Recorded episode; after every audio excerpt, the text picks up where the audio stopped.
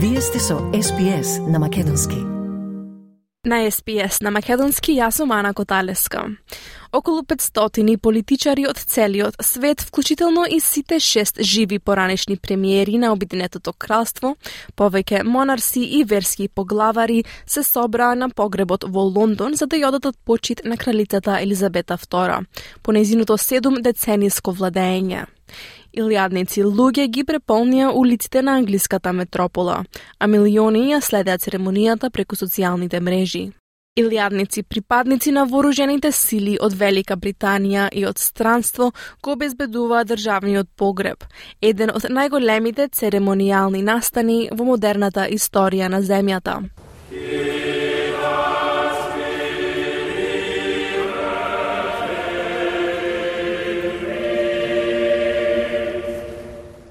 Погребот на кралицата има возможи на ожалостените да ја одадат почит на кралицата Елизабета II, личност на кој многумина се сеќаваат со задоволство низ целиот свет. Емотивната служба беше голема афера, исполнета со славење, музика, пораки за вера и за надеж.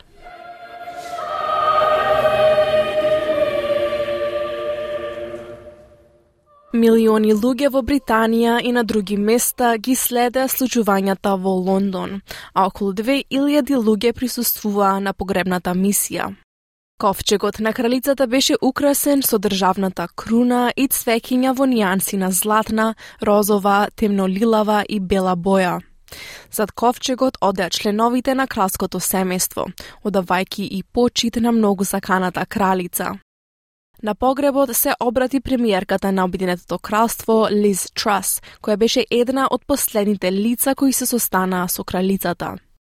Lord, we know not whither thou goest, and how can we know the way? Jesus saith unto him, I am the way, the truth, and the life.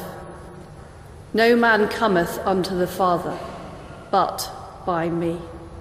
Гледачите ја следеа службата на големите екрани во Хайд Парк во Лондон, каде илјадници учествуваа во молк за посвечените делови од богослужбата. На плоштадот на Федерацијата во Мелбурн, Ферн ја пратеше службата и таа изјави за SPS дека низиниот дедо бил еден од кралските чувари на кралицата. Um, well, he just guarded the Queen back in his youth, and um, when the Queen was still a teenager. yeah, and he- he's well, we, we've still got his invite for her twenty-first birthday. Um, anyway, so we just thought it would be interesting to watch.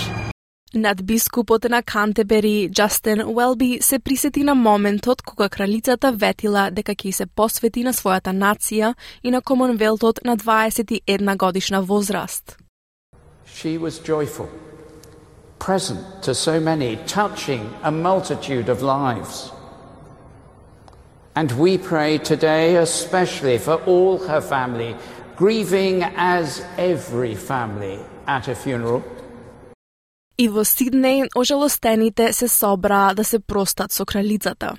Англиканскиот декан од Сиднеј, Санди Грант, вели дека на заедницата и треба шанса да тагува заедно и да ја изрази својата почит кон починатата кралица. Yes, well, we're giving great thanks to God for her life, for her fidelity. Uh, there are so many people gathering uh, the last uh, 10 days, and we expect in the next couple of days. И некои од помладите, како што е Тоби Хескет од Surrey, го посетија Винзор за да ја одадат почит на кралицата. I think it's important to come here to go see the Queen as she's devoured her life to her country. I think just a couple hours would mean everything. Погребот заврши со последниот поздрав со труба и две минутен молк. Последното патување на кралицата беше погребната поворка низ улиците на Лондон. Последното почивалиште на 96 годишната кралица е во Винзор до низиниот сопруг, принцот Филип, кој почина минатата година.